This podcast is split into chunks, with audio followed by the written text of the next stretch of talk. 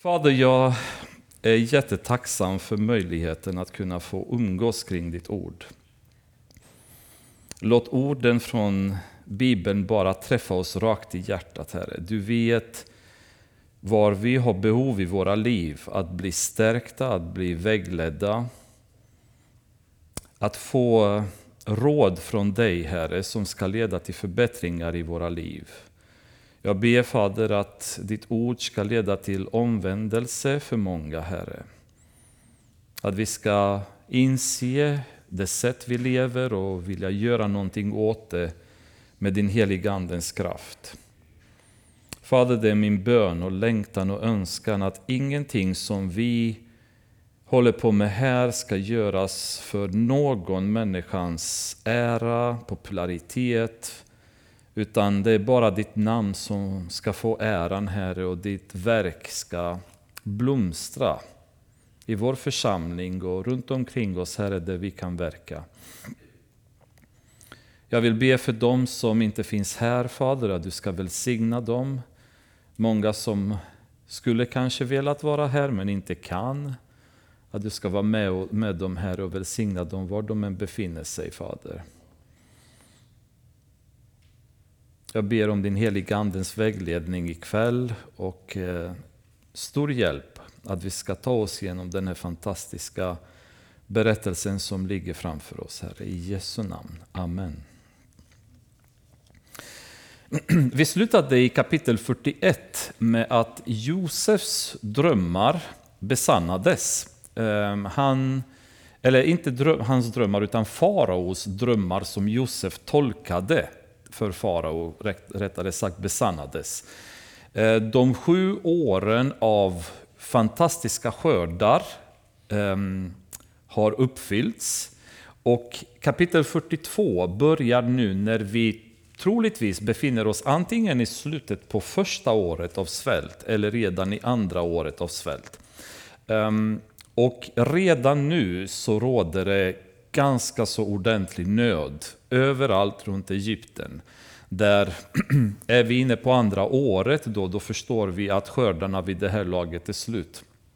Överallt och nöden är väldigt stor. Människorna nu börjar dra sig från alla håll mot Egyptens land som blomstrar av eh, välstånd tack vare eh, den plan som Josef hade dragit fram för att bunkra upp i ladorna med mycket spannmål.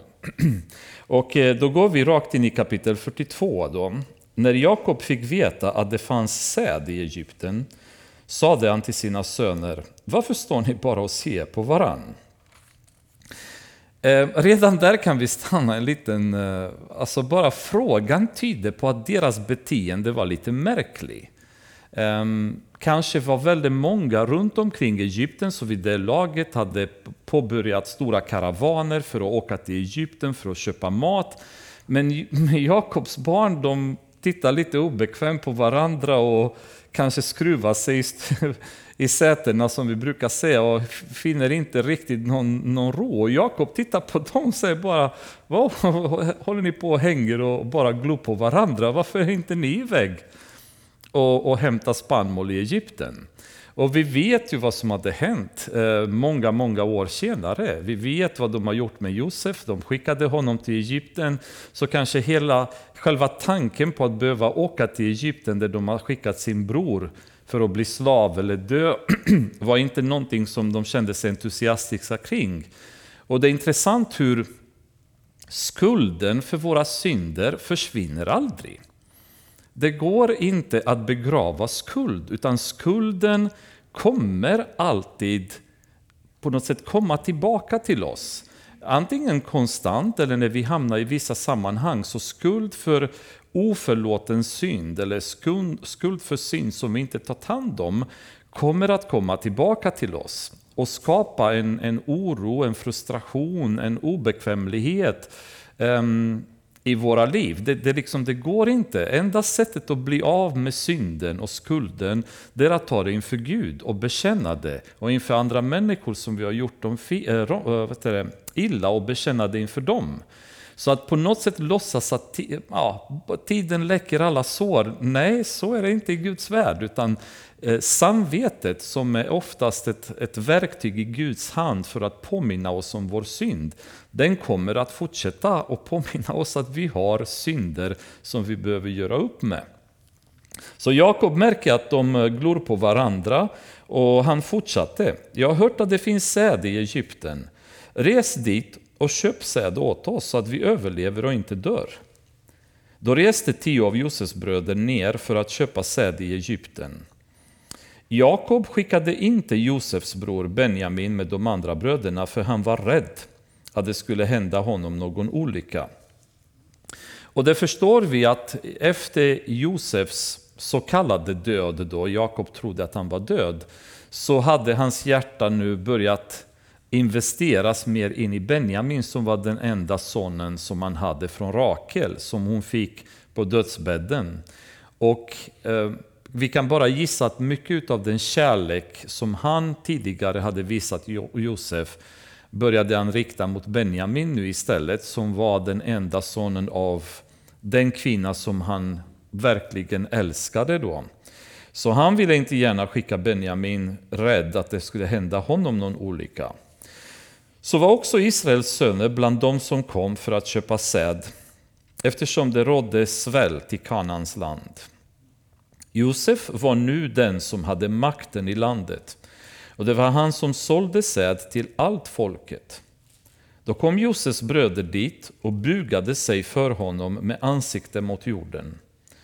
När Josef såg sina bröder kände han igen dem, men han låtsades att han var en främling för dem och tilltalade dem hårt och frågade dem, var kommer ni ifrån?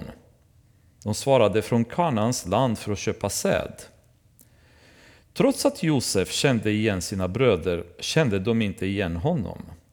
Då tänkte Josef på drömmarna som han hade haft om dem.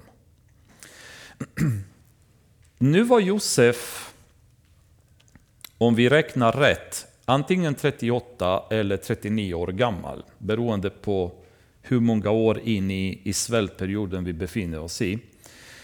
Um, och han var 17 år, runt den åldern, kanske tidigare. Vi vet inte exakt när drömmarna som han hade haft var i förhållande till när han såldes till Egypten. Men säg runt omkring 17 år, om det var 16-17 däromkring.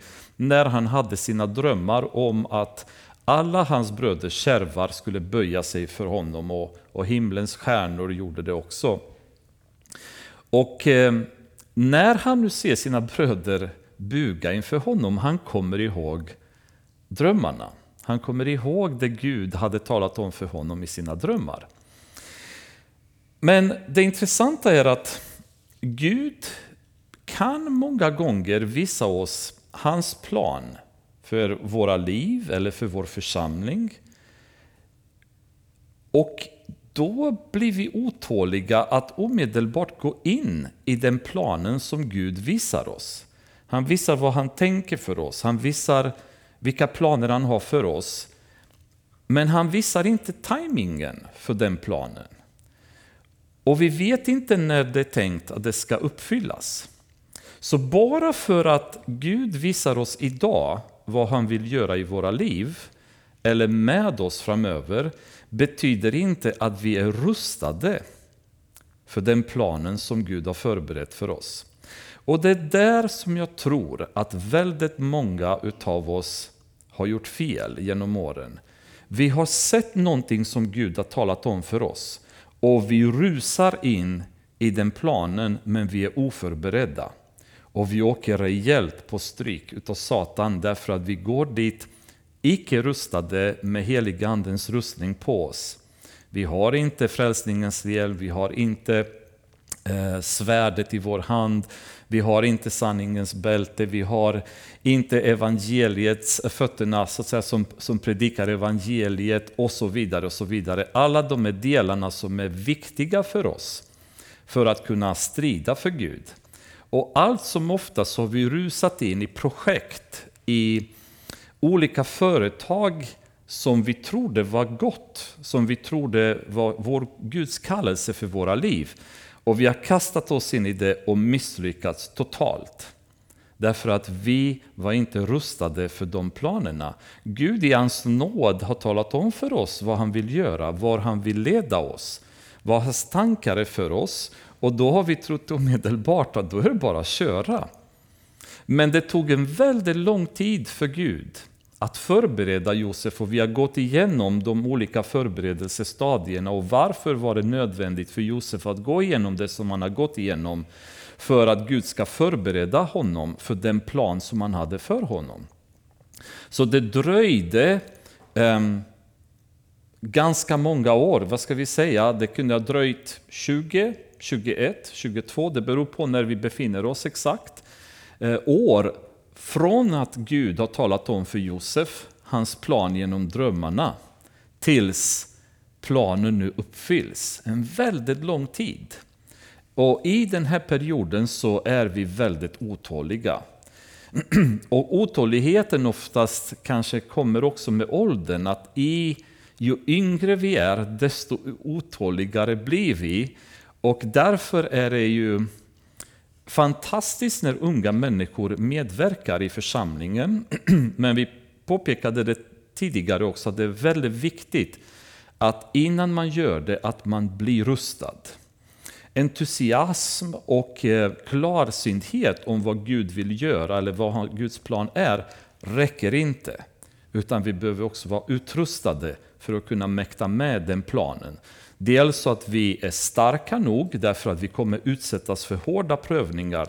Så fort vi hamnar in i Guds vilja och i hans plan så kommer djävulen sätta in artilleriet ordentligt. Han kommer slå från alla fronter på familjenivå, eh, jobbnivå, karriärsnivå, försöka ruinera oss ekonomiskt, försöka att ansätta oss hälsomässigt, försöka att vända folk i församlingarna emot oss, försöka vända våra släktingar emot oss. Alltså, han har en ett otroligt stor repertoar av attacker som han använder mot oss. Och är vi rustade, då kan vi stå fast.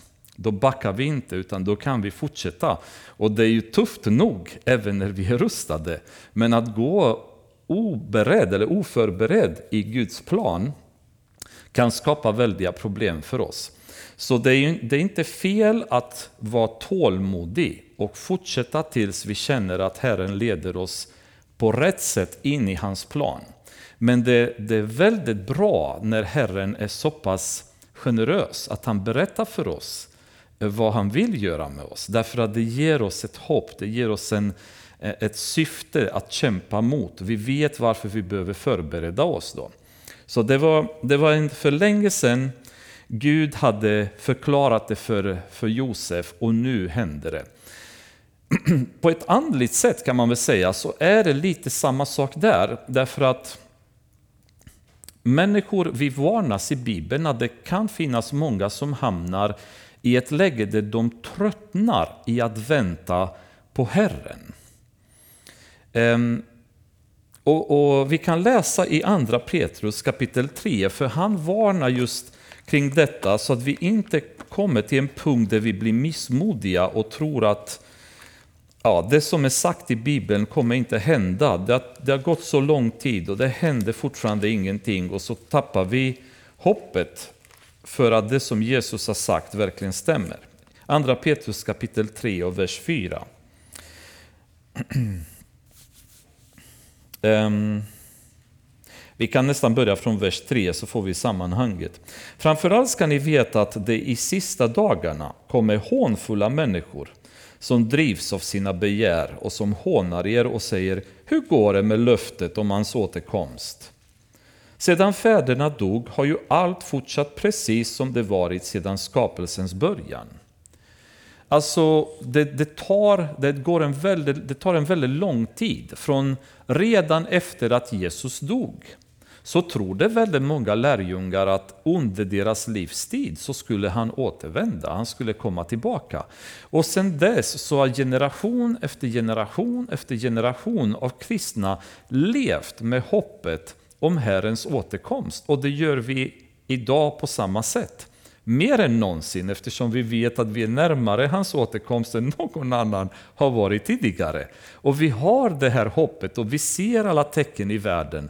Men det är fullt möjligt att hundra år senare så är vi fortfarande kvar på denna jord, alltså människorna. Och att Jesus fortfarande inte kommit tillbaka. Och då kommer folk titta tillbaks på medlemmarna i Pingstförsamlingen Stöpen som hade skatologiska bibelstudier om hur nära Jesu återkomst är och säger vad, vad galna de var som trodde på det. För titta, det har fortfarande inte hänt någonting. De hade ingen koll på vad de pratade om. Hundra år har gått sedan 2023 när de pratade om det och det är fortfarande ingenting som har hänt. Det måste därmed vara falskt. Det kan inte stämma. Men då fortsätter Petrus i vers 9 och säger så här. Herren dröjer inte med att uppfylla sitt löfte så som en del menar. Det finns ingen försening av Guds plan. Han dröjer inte. Nej, han har tålamod med er eftersom han inte vill att någon ska gå förlorad utan att alla ska få tid att omvända sig. De här människorna som är hånfulla, de har ingen aning att det är för deras skull. Så allting dröjer, så att även de skulle få en möjlighet att omvända sig från sin synder och ta emot vår Herre Jesus som deras frälsare. Det finns nåd och det finns kärlek även för dem och Gud i sin tålamod säger vi väntar så fler kan komma till tron. Vi väntar så att fler kan räddas från helvetet till himlen. Och eh, i hans plan så är allting perfekt tajmat. Och i Josefs situation så ser vi ett bevis också på hur Herren egentligen verkar. Då tänkte Josef på drömmarna som han hade haft om dem. Han sade till dem, ni är spejare, ni har kommit för att se var landet saknar skydd. Förmodligen var det inte ovanligt på den tiden att man gjorde det. Att olika karavaner eller handelsmän kunde likväl vara spejare inför eventuella invasioner för att se hur städerna var byggda, deras svaga punkter och så vidare. Så Josef ehm, ehm, börjar ansätta dem på det sättet och, och säga att de kan potentiellt vara spejare. De svarade honom, nej herre, dina tjänare har kommit för att köpa mat. Vi är alla söner till en och samma man. Vi är hederliga män. Dina tjänare är inga spejare. Så de vill på något sätt förklara att skulle vi vara spejare skulle inte en hel familj komma hit, utan vi är ju bröder allihopa och vi har en familj hemma kvar och så vidare. Så de försöker att, och presenterade sig själva som ett icke-hot på något sätt. Men han sa det till dem, jo, ni har ju kommit för att ta reda på vad landet saknar skydd. De svarade, vi dina tjänare är tolv bröder, söner till en och samma man i Kanans land. Den yngste är hemma hos vår far och en lever inte längre. Josef sade till dem, det är som jag har sagt er, ni är spejare. Så här ska jag pröva er, så sant farao lever. Ni slipper inte härifrån om inte er yngste bror kommer hit. En av er måste gå och hämta hit er bror medan andra stannar som fångar. Så kan jag pröva om ni talar sanning. Annars är ni spejare så sant farao lever. Sedan höll han dem i förvar i tre dagar. På tredje dagen sade Josef till dem, om ni vill leva så gör så här, för jag fruktar Gud. Så med andra ord, han säger, jag, jag jag fruktar Gud, det vill säga jag vill inte skada er, jag vill inte straffa er om det visar sig att ni är ärliga människor. Så det är för Guds skull, om ni är hederliga män, låt då en av era bröder stanna som fånge i huset där ni satt fängslade. Men ni andra får resa iväg och ta hem säden som ni köpt till hjälp mot svälten hos er. Ta sedan med er yngste bror hit till mig. Om ni talat sanning ska ni slippa dö. Och de gjorde så. Men de sade till varandra, vi har skuld efter det vi gjorde mot vår bror. Vi såg ångesten i hans själ när han bad om förbarmande, men vi ville inte lyssna på honom. Därför har vi själva kommit in i denna ångest.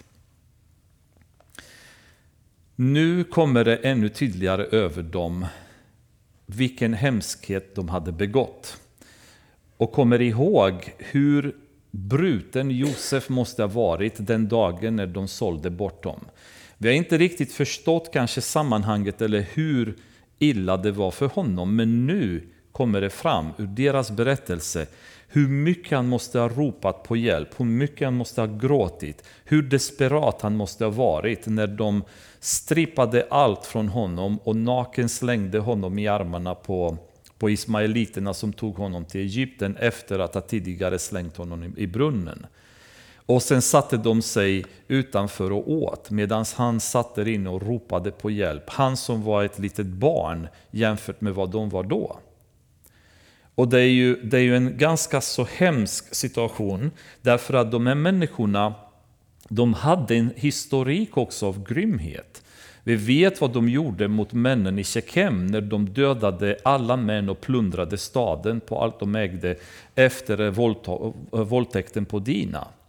Ehm, vi vet sedan Ruben som var den äldste av dem hur han hade en sexuell relation med sin fars andra fru.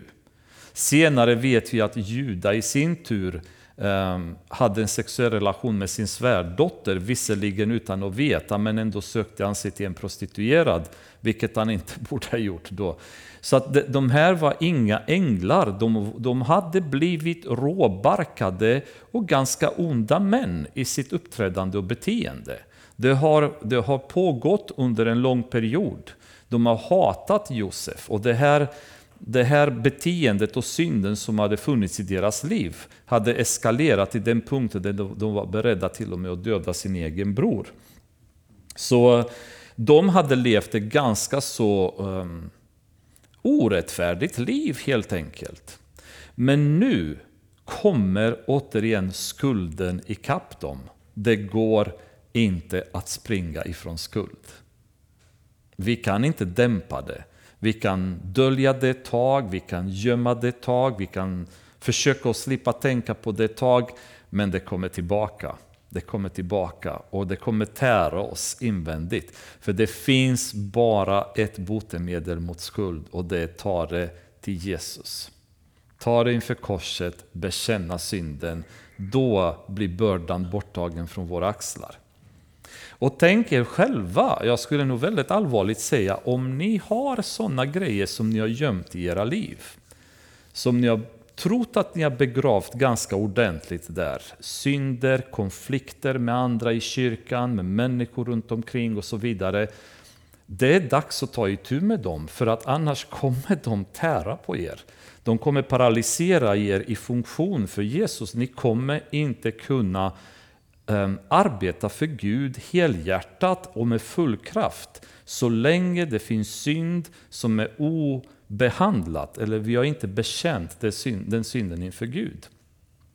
Jag hörde i en eh, predikan att ehm, i USA så finns det en, eh, eh, Skatteverket har en fond som heter ehm, tror jag, Samvetsfonden eller något sånt, där varje år så skickar folk miljontals dollar anonymt.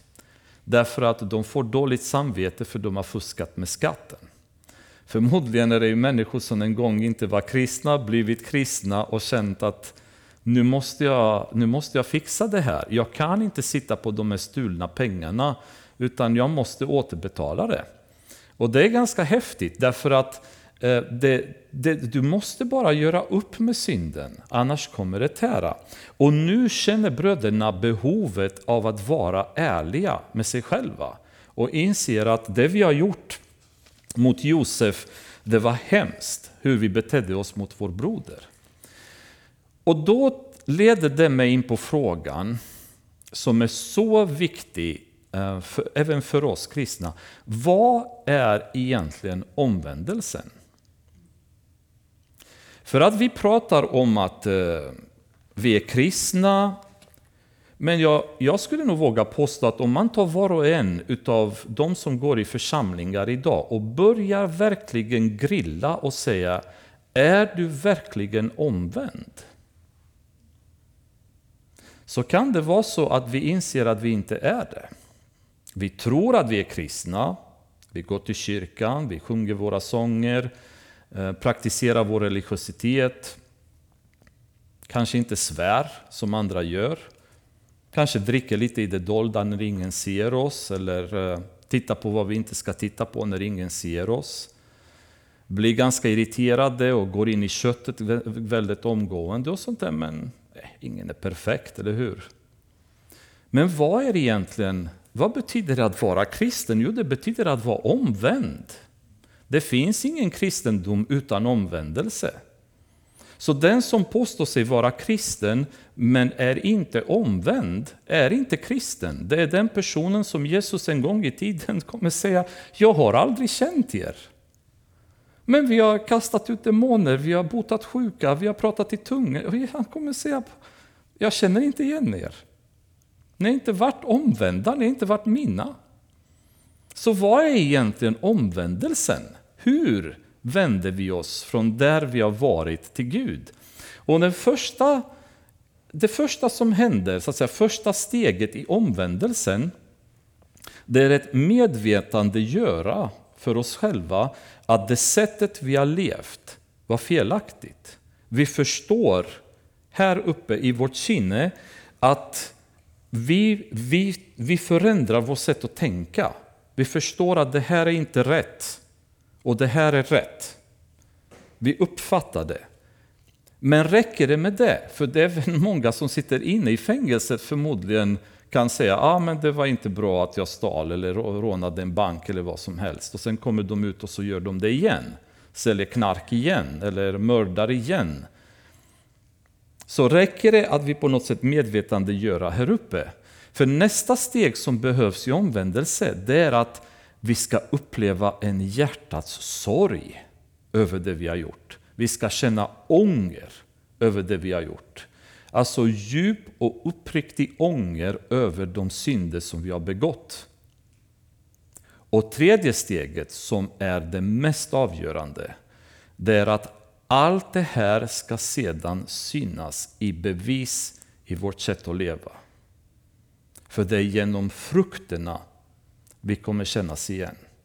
Om plötsligt de här människorna som har varit en gång syndare, nu plötsligt blir de goda, tålmodiga, kärleksfulla, uppriktiga, då är det tecknet på att omvändelsen var riktig. Men om vi fortsätter att leva som vi alltid har gjort, då har vi förmodligen inte upplevt en äkta omvändelse. Och det är därför Bibeln är så noga med vad vi kallar den praktiska rättfärdigheten. Som vi pratade om i Efesierbrevet, det vill säga vi, vi kommer till tron. Men sen för att kunna vara i tron eller bevisas att vi är i tron så ska det synas i vårt sätt att leva. Om det inte syns någon förändring i våra liv, då har vi förmodligen missat någonting. För att en äkta omvändelse ska generera en förändrad livsstil. Så om vi tittar på oss själva och ser, agerar vi kötsligt hela tiden och vi uppträder på samma sätt som vi har gjort förut, då har det inte varit en äkta omvändelse. Och det är viktigt att vi tänker verkligen när det gäller oss själva. Inte så mycket att vi tittar på någon annan i kyrkan och tänker hmm, är han verkligen omvänd? Är hon verkligen? Utan vi tittar på, är jag verkligen omvänd? Är mitt liv ett tecken på att jag är Guds barn? Kan folk som är runt omkring mig titta på mig och se Jesus i mig? Är det verkligen så? Det är väldigt viktigt att vi ställer oss de här frågorna, för det är ingenting att leka med, alltså huruvida vi är seriösa i vår relation med Gud. Det är inget, ingen lek och inget skämt. Vi kan inte ta Gud som en slags marionett som vi kan göra vad vi vill som passar oss. Utan Gud är helig och han har dragit väldigt tydliga linjer för vad som gäller och det finns inget annat sätt att komma till honom än på det sättet som han preskriberar. Om vi tror att han kommer acceptera andra kompromisser och andra vägar som vi må hitta på, så är det falskt. Det funkar inte, utan vi behöver uppriktigt omvända oss. Vi behöver känna ånger över vårt sätt att leva och ången ska leda till en praktisk förändring i hur vi uppträder som människor här på jorden, som kristna. Vi ska vara ett ljus, vi ska vara ett salt. Är vi det? Jag känner väldigt många där ute i världen som tittar på församlingar och kräks över det uppträdande som de ser i kyrkor idag. Jag har en arbetskamrat som har varit medlem, eller inte medlem, han har gått i en församling här i våra trakter under en lång period. Och han är så fruktansvärt trött på det hyckleriet som man såg i den församlingen. Han vägrar sätta fot där igen. Är vi verkligen omvända? När människor där ute tittar på oss och bara känner illamående över det sätt som vi uppträder. Det är hyckleri, det är korruption, maktmissbruk, kärlek för pengar och allting som finns i församlingarna idag. Galenskap inte minst i så många församlingar. Är vi verkligen omvända? Eller lurar vi oss själva och tror att vi är det? I Josefs bröder nu ser vi första stegen mot omvändelse. De medvetande gör sin synd och de känner djup ånger över det som de har gjort. Och det liksom påverkar dem uppenbart. De förstår att, att det här var riktigt, riktigt illa det vi gjorde. Ruben svarade dem, sade jag inte till er att ni inte skulle synda mot pojken, men ni lyssnade inte på mig. Därför utkrävs nu hans blod. Men de visste inte att Josef förstod, för han talade till dem genom tolk. Han vände sig bort från dem och grät. Sedan vände han sig till dem igen och talade med dem, och han tog Simeon från dem och lät fängsla honom inför deras ögon. Josef befallde att man skulle fylla deras säckar med säd och lägga tillbaka vars och ens pengar i hans säck och ge dem mat för resan. När man hade gjort så lastade de säden på sina åsnor och reste därifrån. Men när en av dem öppnade sin säck vid en rastplats för att ge sin åsna foder fick han se sina pengar ligga överst i säcken. Och han sade till sina bröder, jag har fått tillbaka mina pengar, titta här. De är i min säck. Då sjönk deras mod och darrande av skräck sade de till varandra, vad har Gud gjort mot oss? De är fullt medvetna att de kommer inte undan Gud. Och fullt medvetet att mer än 20 år senare så utkräver Gud betalning från dem, från den synd som de har begått. I första Moseboken, eller fjärde Moseboken, eh, kapitel 32, vers 30, 23 står det Men om ni inte gör detta, och då pratar, pratade Mose om eh, Ruben och Gad-stammarna ehm, som inte ville gå över Jordan och etablera sig där, utan de ville hänga på andra sidan Jordanfloden eftersom de hade hittat så bra betesmarker. Och då sa Mose, det är okej okay att ni gör det, men ni behöver vara med och kämpa med oss i, att vi, i striden att inta landet. Och då hade Ruben och Gad eh, lovat att vi kommer kämpa mer tills allting är intaget, sen drar vi oss tillbaka och så har vi vårt territorium här. Och då säger eh, Mose till dem, men om ni inte gör detta, se då syndar ni mot Herren, och ni ska veta att er synd ska drabba er. Det går inte att komma ifrån, säger Mose. Så lek inte med mig. Om ni lovar att ni ska hjälpa till så måste ni göra det, annars kommer ni synda mot Herren som har beordrat oss att inta Kanans land. Och gör ni inte det, då kommer synden drabba er. Det finns ingen annan utväg. Har ni tänkt hur svårt, nästintill omöjligt det verkar vara att komma undan med mord, med stölder, med bedrägerier, med otrohet? Det finns nästan alltid något sätt som man det händer att man åker dit. Någon liten hårstrå som har hamnat någonstans och DNA räcker för att du åker dit. Någon granne som har sett dig att du går in i fel dörr när du inte skulle ha gjort det. Och så börjar plötsligt viska till din fru eller till din man att vet du att de har varit där och gjort det och det och det. Och du trodde att du hade allting säkert, allting planerat, allting klart. Du har tänkt ut alla detaljerna, det kan inte hända något. Hur lätt det är att förskingra pengar, har ni tänkt på det? Vilket system det finns i samhället för att, för att du inte ska kunna komma undan med att du stjäl pengar, vare sig från staten eller andra människor. Alla bedragare som är på nätet, de kanske blomstrar i tre, fyra, fem, sex år, men till slut åker de dit. Det är så svårt att komma undan med synd och det är därför att Eh, fjärde Moseboken säger att när man syndar, syndar man mot Herren och ni ska veta att er synd kommer drabba er. Förr eller senare kommer ni åka dit. Och salmisten pratar väldigt ofta om de som syndar och hur de, är, de har det så bra och han har det så, då, så dåligt. Till slut dock så kommer Gud och tar dem liksom, och de får betala för sin synd.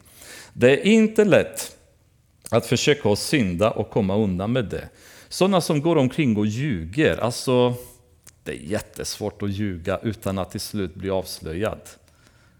Till slut så får folk reda på att du är en lögnare. Så eh, det är ingen idé kan man väl säga. Vers 29. När de kom hem till sin far Jakob i Kanans land berättade de för honom allt som hade hänt dem och sade Mannen som var herre där i landet talade hårt till oss och behandlade oss som om vi var spejare i landet. Men vi sade till honom, vi är hederliga män, vi är inga spejare. Vi är tolv bröder, söner till en, en samme far. En lever inte längre och den yngste är hemma hos vår far i Kanans land. Men mannen som var herre i landet svarade oss, så här ska jag ta reda på om ni är hederliga män. Lämna kvar en av era bröder hos mig, ta den ni köpt mot svälten hemma hos er och res iväg. Kom sedan med, en, med er yngre bror hit till mig så att jag kan vara säker på att ni inte är spejare utan hederliga män. Då ska jag ge tillbaka er bror till er och ni ska få röra er fritt i landet. När de sedan tömde sina säckar hittade var och en sin pengapåse i sin säck. Både de och deras far blev förskräckta när de fick se pengapåsarna. Och deras far Jakob sade till dem, ni gör mig barnlös. Josef är borta, Simeon är borta och Benjamin vill ni också ta ifrån mig. Allting är emot mig. När i själva verket så är allting för honom och inte emot honom. Ni förstår hur vårt perspektiv på prövningar är annorlunda när vi inte lever under Guds vägledning. Då plötsligt så tror vi att de problem, de svårigheter, de sjukdomar som vi går igenom, det är allt det här det bara drabbar oss hela tiden. Det är bara mig, det är bara jag som har pengaproblem, det är bara jag som ständigt är sjuk. Det är jag som ständigt har familjeproblem, det är jag som har det jobbigt på jobbet, det är jag som ständigt är trött och orkeslös. Det är jag som inte har kompisar, jag är jämt ensam och jag har det så dåligt ständiga problem som drabbar oss och vi tycker bara det är så orättvist. När i själva verket bakom kulisserna så väver Gud hans underbara plan till att rädda hela Israels folk. Men Jakob, han har sin blick på jorden. Han har inte sin blick riktad mot Herren. Och han tror att allt det här eländet är bara det för att knäcka honom. Och det är så viktigt det är så viktigt att vi lever med Guds perspektiv och inte med vårt egna.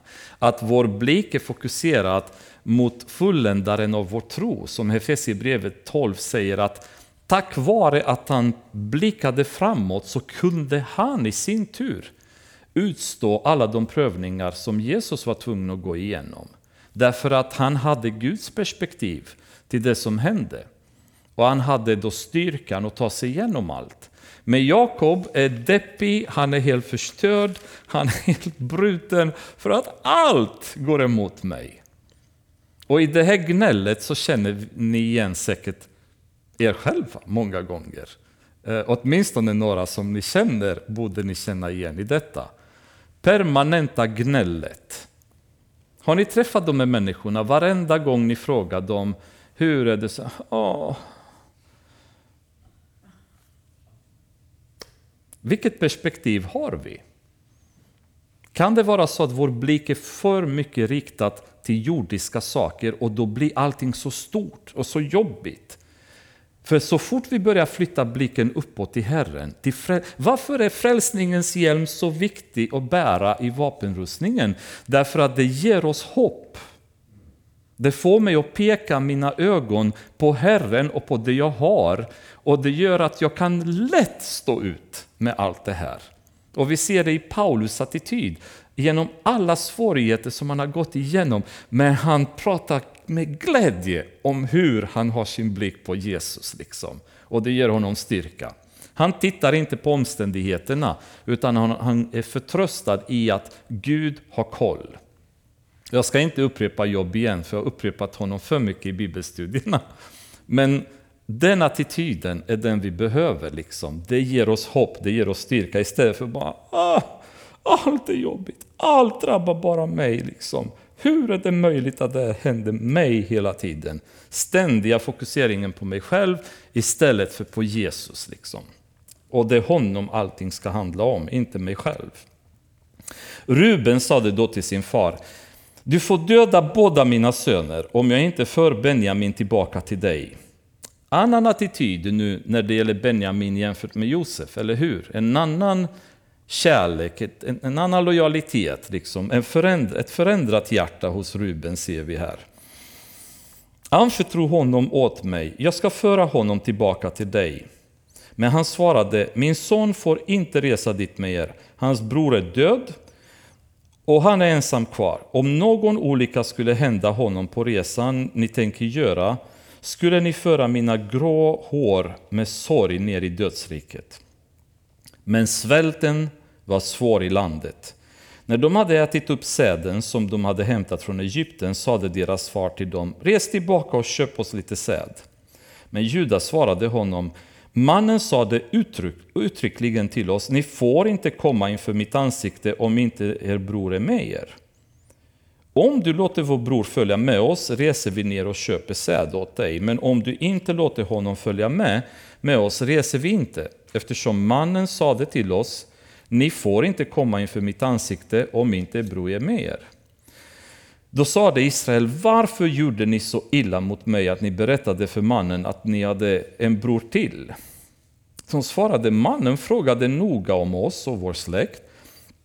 Han sade, lever er far ännu?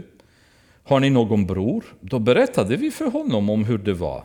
Kunde vi veta att han skulle säga, ta med er bror hit ner? Judas sade då till sin far Israel, låt pojken följa med mig. Vi måste ge oss iväg om vi ska överleva och inte dö, både vi och du och våra barn. Jag ska ansvara för honom. Du får utkräva honom av min hand. Om jag inte kommer tillbaka med honom till dig och ställer honom här inför dig ska jag vara en syndare inför dig i alla mina dagar. Och hade vi inte dröjt så länge hade vi redan varit tillbaka för andra gången. Då sade deras far Israel till dem, om det måste bli så, gör då så här. Ta lite av landets bästa frukt i era säckar och bär ner det till mannen som gåva. Lite balsam och lite honung, dragantgummi och ladanum, pistagenötter och mandlar. Ladanum och dragantgummi det användes mycket för väldoftande örter, parfymer och så vidare. Då. Så lite smycken och lite gott att äta i princip var idén bakom. då. Ta med er dubbla summan pengar och återlämna pengarna ni fick tillbaka överst i era säckar. Kanske var det ett misstag. Ta också med er bror och res genast tillbaka till mannen. Må Gud den allsmäktige låta er fina barmhärtighet hos mannen så att han låter er andre bror och Benjamin följa med er hem igen. Och ska jag bli barnlös så blir jag det. Då tog männen gåvorna och den dubbla summan pengar. De tog med sig Benjamin, bröt upp och gav sig iväg till Egypten och kom inför Josef. När Josef såg att Benjamin var med sade han till sin husförvaltare, ta dessa män till mitt hus. Slakta något och laga oss en måltid för männen ska äta middag med mig. Mannen gjorde som Josef hade sagt och tog männen till Josefs hus. Men männen blev förskräckta när de visades in i Josefs hus. Det var förmodligen ingen liten torp, han bodde i ett litet torp, utan det är förmodligen en ordentlig palats som de kom till då. Och de sa det, det är på grund av pengarna som vi fick tillbaka i våra säckar förra gången som vi förs in här. Nu tänker han kasta sig över oss och övermanna oss och göra oss till slavar och ta våra åsnor. Eh, vi ska inte stanna långt vid det, men, men notera ordet åsnor. Eh, och man kan undra vad är, vad är dealen med de här åsnorna? För de, ni kommer se att de dyker upp vid flera tillfällen. De är väldigt oroliga för sina åsnor hela tiden då, utan någon märklig anledning. Så det är liksom deras rädsla bara att han tar våra åsnor. Liksom. Så det är intressant att de, de kommer att dyka upp i passagen då framöver. Jag vet inte varför, jag tänker inte fördjupa mig i det heller, men bara en rolig grej. De steg fram till Josef husförvaltare vid ingången till huset och sade till honom. Hör på oss, herre, när vi var här nere förra gången för att köpa säd och sedan kom till en rastplats och öppnade våra säckar hittade alla vi våra pengar till deras fulla vikt överst i sin säck. Nu har vi med dem tillbaka och vi har med oss andra pengar för att köpa säd. Vi vet inte vem som lagt pengarna i våra säckar. Han svarade, oroa er inte, var, inne, var inte rädda. Det är er Gud och er fars Gud som låtit er hitta en skatt i era säckar. Och det man kan undra, visste han någonting om deras Gud? Deras fars Gud? Kan det vara så att Josef hade berättat om den sanne guden för sina tjänare och att han evangeliserade dem? Vi vet inte, men tjänaren uppenbarligen hade en viss kunskap om deras Gud och deras fars Gud. Då. Jag har fått era pengar. Och han förde ut Simeon till dem. Mannen förde dem in i Josefs hus. Han gav dem vatten att tvätta fötterna med och gav deras åsnor foder. Kommer de igen, hör åsnorna. De gjorde i ordning sina gåvor innan Josef kom hem vid middagstiden eftersom de hade fått höra att de skulle äta där. När Josef kom hem gav de honom gåvorna som de hade med sig dit till huset och de bugade sig till jorden för honom. Han hälsade på dem och frågade Är det bra med er gamle far som ni talade om? Lever han än? De svarade Ja, det är bra med vår far din tjänare, han lever än. Och de bugade sig och föll ner för honom. När han såg sig omkring och fick se sin bror Benjamin, sin mors son, frågade han är det er yngste bror som ni eh, nämnde för mig? Nu får vi återigen bortse från söndagsskolebilderna av Benjamin och hans bröder, för där ser han ut som en slags femåring som de har släpat med sig. Men Benjamin han är nästan 30 år gammal, så det, han, han, är ju den yngste, men rätt, rätt i åren då med våra mått mätt. Då. Så vi behöver så att säga tvätta bort felaktigheterna som vi har lärt oss i söndagsskolan om just Benjamin i det läget också. Sedan sade han, Gud ska vara nådig mot dig min son. Djupt rörd av kärlek till sin bror skyndade Josef sig ut och letade efter en plats där han kunde gråta. Och han gick in i sin kammare och grät där. Alltså hans hjärta vid det laget är, är frestat lite för mycket. Um, och, och, det finns en del som ser Josef som ganska elak, som har eh, drivit så med sina bröder fram och tillbaka. Då. Men tittar vi på hans attityd så verkar det inte finnas någon som helst tillstymmelse av att jag vill ge igen, eller nu ska de få se hur jobbigt det var med mig och de ska uppleva samma sak. Utan snarare att han vill verkligen försäkra sig att deras omvändelse är på riktigt. Att de har verkligen förändrat sig, att det är andra människor än de som en gång i tiden hade slängt honom i brunnen. Och vill se den här förändringen, är det verkligen så? Har de verkligen förändrat? Vad, hur ser deras hjärta ut idag? Jag vågar nog luta åt den tolkningen snarare. När han hade tvättat ansiktet gick han ut igen, behärskade sig och sade Sätt fram maten. Och de satte fram, särskilt för honom och särskilt för dem, för att Särskilt för egyptierna som åt tillsammans med honom. Egyptier får nämligen inte äta tillsammans med hebreer. Det anses avskyvärt bland egyptierna.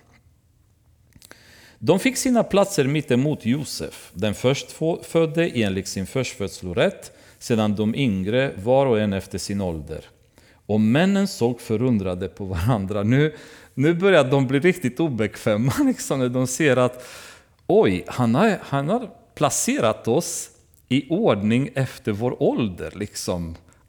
Det, här, det här är något skumt. Alltså, ni måste förstå, på den tiden hade folk väldigt mycket tro på spådomar, villfarelser och sånt.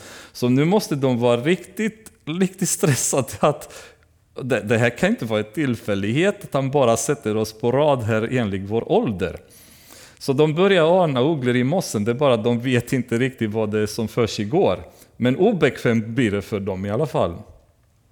Han lät servera dem av rätterna på sitt bord och Benjamin fick fem gånger så mycket som alla de andra. Och de drack sig glada tillsammans med honom. Så när drickan började komma, då släppte deras oro. Nu, nu började de skratta och vara glada liksom, så de, de har glömt bort obekvämligheten innan.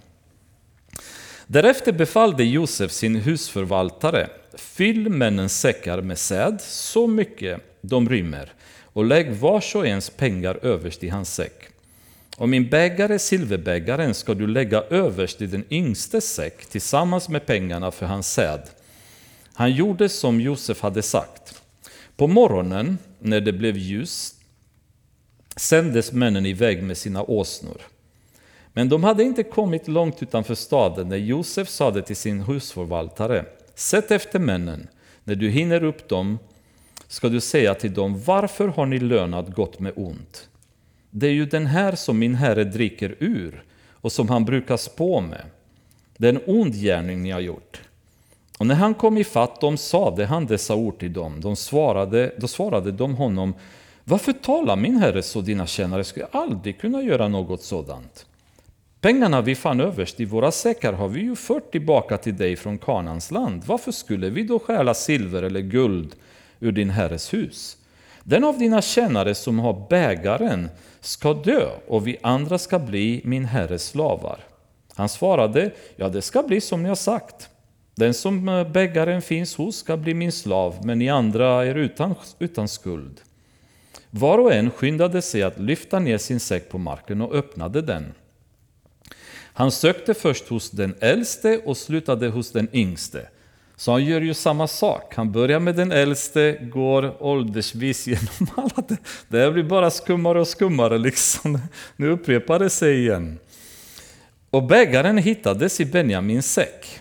Då rev de sönder sina kläder. Alltså förstå cirkusen där nu. Nu börjar de ropa, skrika, river sönder sina kläder. Alltså den här Mellanöstern-scenen, det, det, är nästan värt att, att se framför oss för att förstå sammanhanget. där liksom, det var mycket skrik och mycket protester förmodligen, mycket oro och så vidare då, eh, displayat där framför tjänaren. Då rev de sönder sina kläder, lastade sina åsnor, viktigt att åsnorna är med där hela tiden förstås, och vände tillbaka till staden. Juda och hans bröder gick in i Josefs hus, där han ännu var kvar, och föll ner till jorden inför honom. Då sade Josef till dem, vad har ni gjort? Förstod ni inte att en man som jag kan spå? Så nu börjar de tro, aha, så han kan spå, det är därför förmodligen han kan vår ålder och allt sånt här då. Det blir, de blir inte glada, inte bekväma. Judas svarade, vad ska vi säga till min herre? Hur ska vi tala och hur ska vi rentvå oss? Gud har funnit dina tjänares missgärning. Vi är nu min herres slavar, både den som bägaren hittades hos och vi andra. Men Josef sade, nej, aldrig skulle jag göra så. Den som bägaren hittades hos ska bli min slav, men ni andra kan resa hem till er far i frid. Då steg Juda fram till honom och sade, lyssna på mig min herre. Låt din tjänare säga ett ord inför min herre och bli inte arg på din tjänare, för du är som farao. Min herre frågade sin tjänare och sade, har ni en far eller någon mer bror? Vi svarade min herre, vi har en gammal far och en son till honom, en som är född på hans ålderdom och som fortfarande är ung. Men en bror till honom är död. Så han är den enda som är kvar efter sin mor och hans far älskar honom. Nu ser vi en förändring i Judas attityd. Han verkligen bryr sig om Benjamin och han är väldigt orolig också för Jakob. Det var de inte då, när de var beredda att döda Josef. Hatet som de hade haft i sitt liv hade domnat bort deras mänsklighet. De hade inte, de hade inte ett, ett, ett sätt som, som var normalt och mänskligt att agera därför att syndens effekt är att domna bort vår relation med Gud. Och vi pratade om det förut, det, det är som ungefär som en smärtstillande, som morfin, liksom, som domnar bort smärta. Synden domnar bort de varningar som Gud ger oss, det tal som Gud hela tiden har för oss. För han talar till oss, det är bara då plötsligt så hör vi inte honom längre. Och så börjar synden så att säga domna bort. Och därför börjar vi, det börjar gå utför för oss och synda mer och mer och mer. Därför att vi får inte de signalerna, smärtsignalerna då, som talar om för oss att något, något är fel i våra liv. Utan deras, deras signaler var bortdomnade. Och um, när vi ser um, den här attityden då som, som Juda har, så ser vi att det är en helt annan person nu. Ruben var beredd att offra sina barn. Juda säger att Eh, till, till Jakob, jag är beredd att vara eh, syndare för dig hela mitt liv. Och nu går han och medlar och säger bara, vi, vi, kan inte, vi kan inte låta det här hända. Han är beredd att ta ansvaret på sig själv till och med. Och ni kommer ihåg vad vi sa, vad är tredje steget i omvändelsen? Det blir ett ändrat sätt att leva. Nu ser vi att det var inte bara en ånger, ett medvetande om vad de hade gjort fel, men nu är deras sätt att leva förändrat. Nu är de beredda att ta ansvar, att offra sig för Benjamin så att inte han skulle råka illa ut. Helt annan, annan attityd jämfört med det de tidigare hade haft. Då. Johannes kapitel 15, vers 13, det står ingen har större kärlek än den som ger sitt liv för sina vänner. Och det är nu deras riktiga omvändelse ses. När Juda är beredd nu att gå så pass långt så han kommer lägga sig själv som offer i Josef händer och säger ta mig istället. Det är så underbart att se den förändringen och det är det som omvändelsen handlar om. Då sade du till dina tjänare, ta ner honom hit till mig så att jag får se honom med egna ögon. Och vi svarade, min herre, pojken kan inte lämna sin far, han skulle dö om han lämnade honom. Men du sade till dina tjänare, om inte er yngste bror följer med er hit, så får ni inte komma inför mitt ansikte. När vi kommit hem till din tjänare, min far, berättade vi för honom vad min herre hade sagt och när vi, vår far sade res tillbaka och köp oss lite säd svarade vi vi kan inte resa dit ni är, bara på det villkoret att vår yngste bror följer med oss kan vi resa. Vi får inte komma inför mannens ansikte om inte vår yngste bror är med. Men din tjänare min far sade till oss, ni vet själva att min hustru födde mig två söner. En gick bort ifrån mig och jag sade, han är säkert ihjälriven och jag har inte sett honom sedan dess. Om ni tar ifrån mig den här också, och det hände honom en olycka, så skickar ni ner mina grå hår med sorg i dödsriket. Så om jag kommer hem till din tjänare, min far, utan pojken som vår far, fars hjärta är så fäst vid, då blir det hans död när han ser att pojken inte är med. Dina tjänare skulle då skicka ner din tjänares, vår fars gråa hår, grå hår med sorg i dödsriket. Ja, din tjänare har lovat min far att ansvara för pojken och jag har sagt att om jag inte har med honom hem igen ska jag vara en syndare inför min far i alla mina dagar. Låt därför din tjänare stanna här hos min herre som slav i pojkens ställe, men låt honom resa hem med sina bröder. Hur skulle jag kunna resa hem till min far utan att pojken med mig? Jag klarar inte att se den sorg som då skulle drabba min far. Vilken förändrad inställning då. Hatet och avundsjukan, att du är favoriserad av vår far och så vidare som de kände för Josef, eh, fanns inte längre. Benjamin var fortfarande nu själv favoriserad av Jakob, men allt det här är borta. Allt ånger de hade känt, allt det här hade gjort klart för dem att nu måste det vara en annan attityd och, och Juda är ärligt beredd att ta straffet för, i Benjamins ställe. Då. Då kunde, inte, då kunde Josef inte behärska sig längre inför alla som stod omkring honom. Han ropade Gå ut härifrån allihop! Ingen fick stanna hos Josef när han gav sig till känna för sina bröder. Han började gråta så högt att egyptierna hörde det och faraos husfolk hörde det också. Alltså det här var en gråt som hade legat i hans bröst i så många år. Förstå hur han måste ha känt sig då. Vilken, vilken så att säga, utlösning av sorg och samtidigt glädje på en gång som måste ha kommit ur honom. Så alla i huset och i faraos hus, och de bodde förmodligen inte i samma hus utan kanske farao bodde intill. Men det hördes tillräckligt så alla hörde honom gråta. Förstå vad det innebär liksom att komma till den punkten där man äntligen bara känner att jag kan släppa det här som jag burit med mig i alla år. Och han har inte berättat för andra heller. Ni kommer ihåg, vi pratade om hur han aldrig har satt, alltså, kastat skuld på hans bröder och så, utan han har hållit det här för sig själv. Mellan honom och Herren och ingen annan. Men nu kan han liksom låta det släppa ut. Och Josef sade till sina bröder, jag är Josef, leve far än. Men hans bröder kunde inte svara, så förskräckta blev de för honom. Då sade Josef till dem, kom hit till mig. När de kom fram sade han, jag är er bror Josef som ni sålde till Egypten. Men var inte ledsna och sör inte över att ni sålde mig hit. Det var för att rädda liv som Gud sände mig hit för er. I två år har det nu varit svält i landet och det återstår fem år då, marken, då man varken ska plöja eller skörda. Alltså vers 5 är magnifik. Och där har vi svaret till varför bitterhet. Satan kunde inte få Josef att bli bitter. Därför att Josef förstod hela tiden att det, det, är inte ni som har sålt mig här.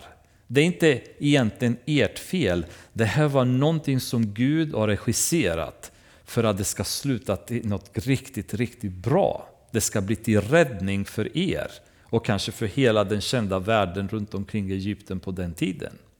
Det ingick hela tiden i, i Guds plan. Mina tankar är inte era tankar och era vägar är inte mina vägar, säger Herren i Jesaja 55 och 8.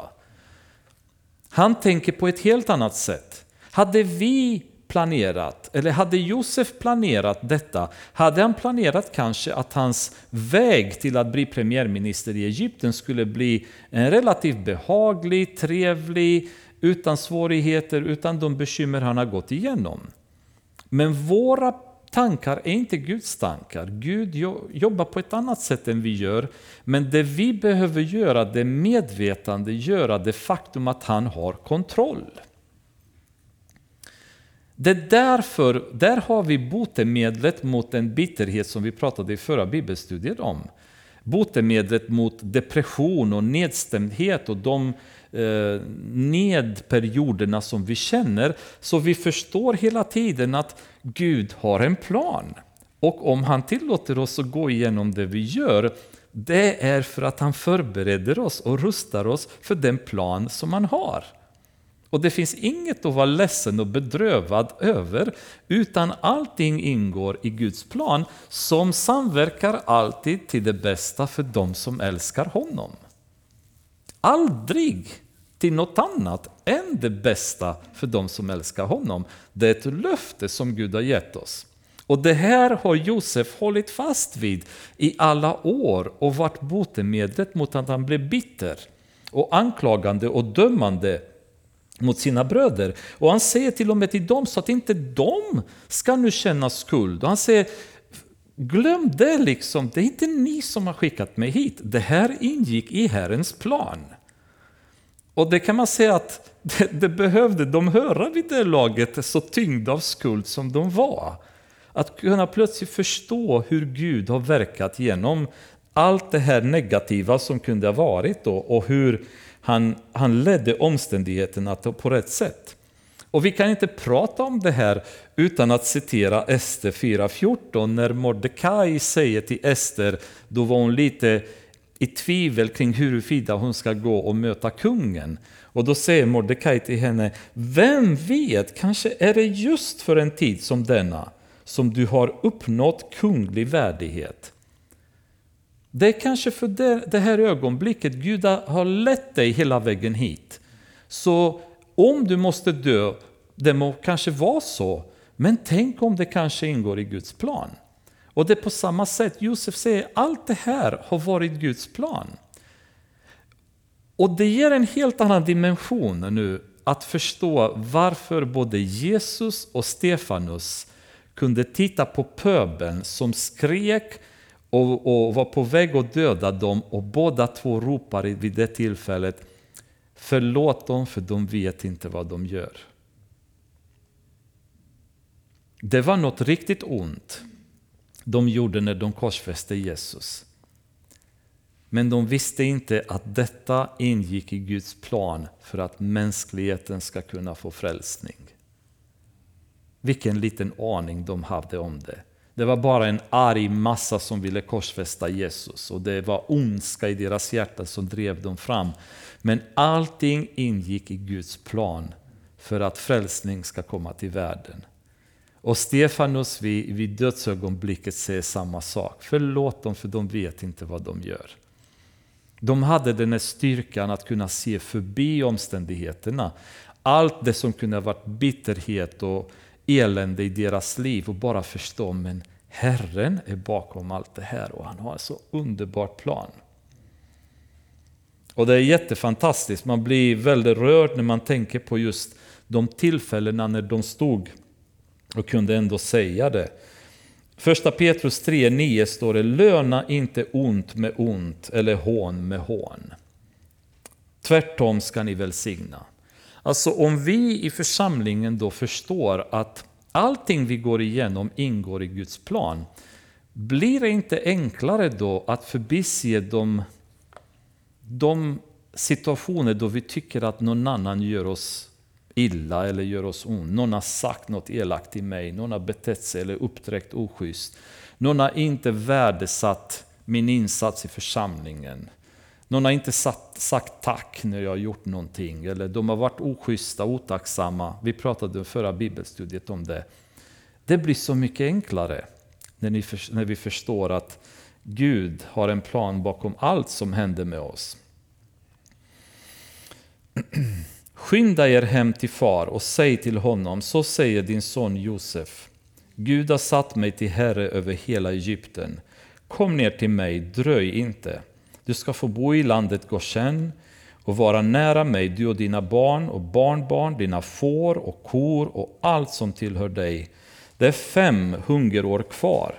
Men jag ska sörja för dig så att varken du eller ditt hus eller någon som tillhör dig ska lida nöd. Ni ser ju med egna ögon, min bror Benjamin ser det också med egna ögon, att det är jag som talar till er med egen mun. Berätta för vår far om all min härlighet i Egypten och om allt ni har sett och skynda er för att föra far hit ner. Han föll sin bror Benjamin om halsen och grät och Benjamin grät vid hans hals. Han kysste alla sina bröder och grät i deras armar. Därefter samtalade hans bröder med honom. När ryktet spred sig i faraos palats att Josefs bröder hade kommit, och här är ju så fantastiskt, gladde det farao och hans kännare. Alltså den här mannen var älskad utav alla där. Han var en hebreer, de ville inte ens äta med hebreer. Men Josef älskade dem. Och de gladde. Vi ser ingen av dem som vi, ser, som vi hade sett i Daniels fall, att de försökte att intrigera mot honom eller något sånt där. I Josefs fall så var alla för honom vid faraos palats. Alla blev glada för hans skull. Ingen, ingen så att säga, attityd mot honom att han är sämre än dem eller avundsjuka av något slag. Då. Och farao sade till Josef, säg till dina bröder att göra så här. Lasta era djur och res hem till Kanans land. Hämta sedan er far och ert husfolk och kom hit till mig.